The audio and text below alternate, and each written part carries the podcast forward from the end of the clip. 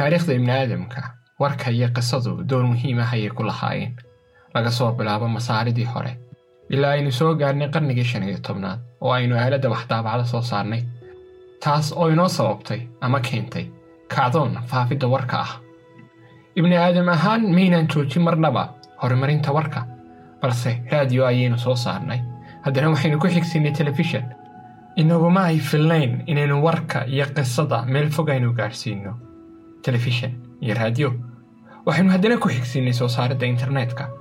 Internetku wuxuu inoo saamaxay qisadu inay gaadho heerkii ugu sarraysay heer adiga aniga iyo dadka caadiga ahi ay qayb ka yihiin faafidda warka. Sida aynu ka aragnay kacdoonadii laba kun koob iyo tobankii ee carabta iyo sida aynu maanta ka arkayna qasa iyo sida aynu ka aragnay meelo fara badan oo kala duwan. Taleefanka iyo adiga iyo anigu qisada waxaynu ku leynahay dowr ka badan intii hore.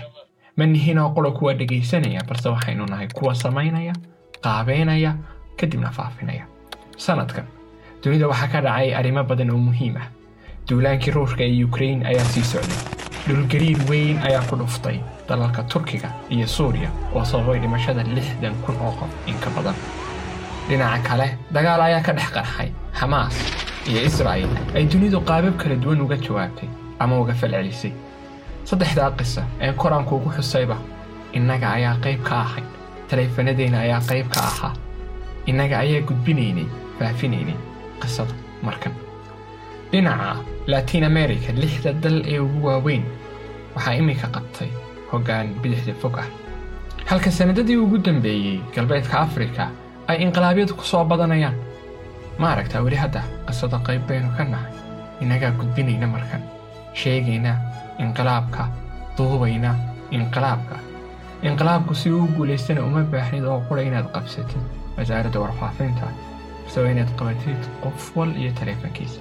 Waana sidaynu ka aragnay meelo fara badan sanadkan gudihiisa. Indiya ayaa dhinaca kale martigelisay shirkii g toniga ama laatanka dal ee dunida ugu dhaqaalaha badan. Indiya ayaa isku diyaarinaysa inay ka qayb noqoto hoggaanka caalamka. Indiya ayaa dhaqaale siyaasad iyo militariba awood badan. Sidoo kale indiya ayaa sanadkan ka duldegtay dayaxa noqotayna dalkii afaraad ee si madax bannaan u tagta dayaxa dushiisa. Dhinaca dhaqaalahana saddexda baan ee ugu taariikhda weyn maraykanka laba ka mid ah ayaa sanadkan kacay taasoo shaki badan gelinaysa nidaamka dhaqaale ee maraykanka weli fari kama qodno wararka ugu muhiimsan balse laba war oo qura ayaynu ku daraynaa oo ah wararka dagaalka qabow iiraan iyo sacuudiga oo muddo badan uu ka dhexeeyey dagaal qabow oo bariga dhexe ah. Ayaa sanadkan dib u soo celiyey xiriirkooda iyagoo ku heshiiyey inay joojiyaan sidoo kale hoos u dhigaan colaadda dhexdooda taalay. Halka dhinaca kale maraykanka iyo jiniiska ay galeen heerkii ugu sarraysay dagaalka qabowba iyadoo la leeyahay waa heerkii ugu sarraysay ee siyaasadda qabow ay gaadho. Tan iyo burburkii midooda safeeti mayla socotaa warka muhiimaddiisii weli way jirtaa. Waxaannu bilaabaynaa boodhkasti cusub oo aannu dharaar ugu magac darnay. Oon idiigu soo gudbin doono wararka maalinlaha kuwooda ugu muhiimsan. Annagoo wakhti badan aan kaa qaadan doonin dhowr daqiiqo kuugu fahamsiin doona. Muhiimadda warkaas iyo qaabka uu kuu saamaynayo ama inoo saamaynayo mar walba waxaa muhiim ah inaynu ogaanno doorkeennu inuu intii hore ka badan yahay kana weyn yahay qaybteennana waa inaynu qaadanno annaga dharaar ahaan waan idiin soo gudbinaynaa maalin walba wararka ugu muhiimsan waxaanad ka heli kartaa boodkastiga youtube-ka spotify-ga apple boodkastka iyo kuwa kale la midka ah.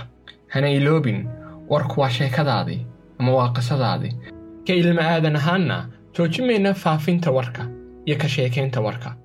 Balantaynu waa dharaar